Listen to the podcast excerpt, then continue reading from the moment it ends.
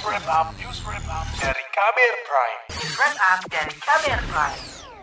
Pemerintah mengklaim terus berkomitmen melakukan transisi atau perpindahan dari penggunaan energi fosil atau energi kotor ke energi baru terbarukan dan ramah lingkungan atau energi bersih. Menteri Energi dan Sumber Daya Mineral Arifin Tasrif mengatakan, transisi energi diperlukan untuk meningkatkan ketahanan energi nasional mengingat cadangan bahan bakar fosil yang terbatas. Hal itu didukung dengan potensi energi baru dan terbarukan atau EBT di dalam negeri yang cukup besar kita masih memiliki potensi energi baru terbarukan yang besar, yang lebih dari 3.000 gigawatt, yang berasal dari surya, hidro, bioenergi, bayu, panas bumi, dan juga sumber dari laut.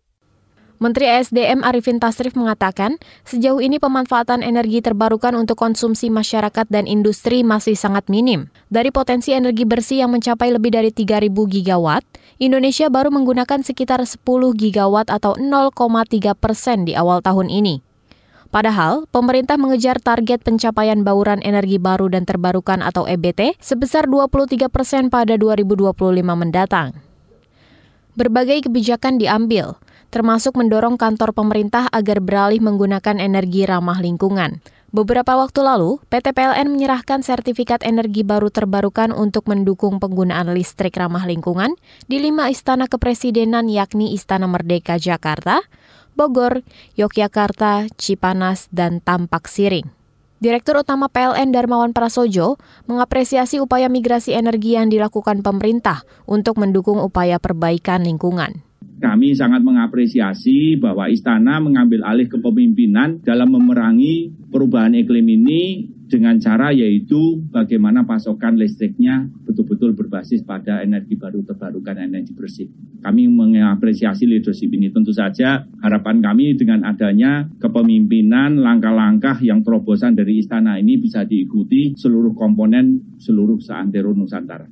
Upaya percepatan transisi energi juga dilakukan perusahaan BUMN di bidang minyak dan gas bumi PT Pertamina. Senior Vice President atau SPV Research and Technology Innovation Pertamina, Oki Muraza mengatakan, ke depan PT Pertamina akan mengelola sebagian besar energi yang akan digunakan di Indonesia. Ia meminta generasi muda di bidang energi lebih kreatif dan berinovasi mencari energi baru terbarukan. Sebagaimana kita ketahui, Pertamina adalah uh, integrated uh, energy company di Indonesia. Di 2030 itu perkiraannya sekitar uh, 70% dari energi Indonesia itu nanti uh, akan dimanage oleh Pertamina. Jadi besar harapan kami tentunya sebesar-besarnya kontribusi dan juga peran adik-adik nantinya uh, di program-program uh, energi kita ya, termasuk di dalamnya energi-energi uh, terbarukan. Oki menambahkan, Indonesia memiliki banyak sumber energi panas bumi atau geotermal. Pertamina bersama para pihak lain akan berfokus pada pencarian sumber-sumber tersebut. Oki mengatakan, sesuai arahan pemerintah, Indonesia harus mulai beralih dari energi kotor ke energi yang bersih. Sayangnya upaya transisi energi yang dilakukan pemerintah seperti menghadapi kontradiksi. Direktur Eksekutif Lembaga Kajian Strategi CSIS, Yose Rizal Damuri mengatakan, pemanfaatan energi bersih atau energi baru terbarukan EBT di Indonesia masih sangat rendah, baru sekitar 13 persen. Padahal targetnya 23 persen pada 2025. Yose mempertanyakan niat pemerintah mendorong penggunaan energi bersih atau energi hijau di Indonesia. Menurutnya, niat pemerintah justru tak sejalan dengan kebijakan yang ada, khususnya terkait pemberian subsidi energi untuk memenuhi konsumsi masyarakat. Di satu sisi kita menginginkan sumber energi bersih ini menjadi lebih intensif lagi, lebih banyak digunakan. Tetapi di lain sisi kita memberikan subsidi bahan bakar minyak dan subsidi energi itu yang sangat besar. Dan mengingat bahwa kebanyakan subsidi ini jatuhnya kepada energi fosil, kepada energi yang bukan energi bersih, maka kita patut mempertanyakan juga apakah memang niat pemerintah untuk mengoptimalisasi ataupun juga membangun sumber energi bersih ini ada dasarnya atau tidak.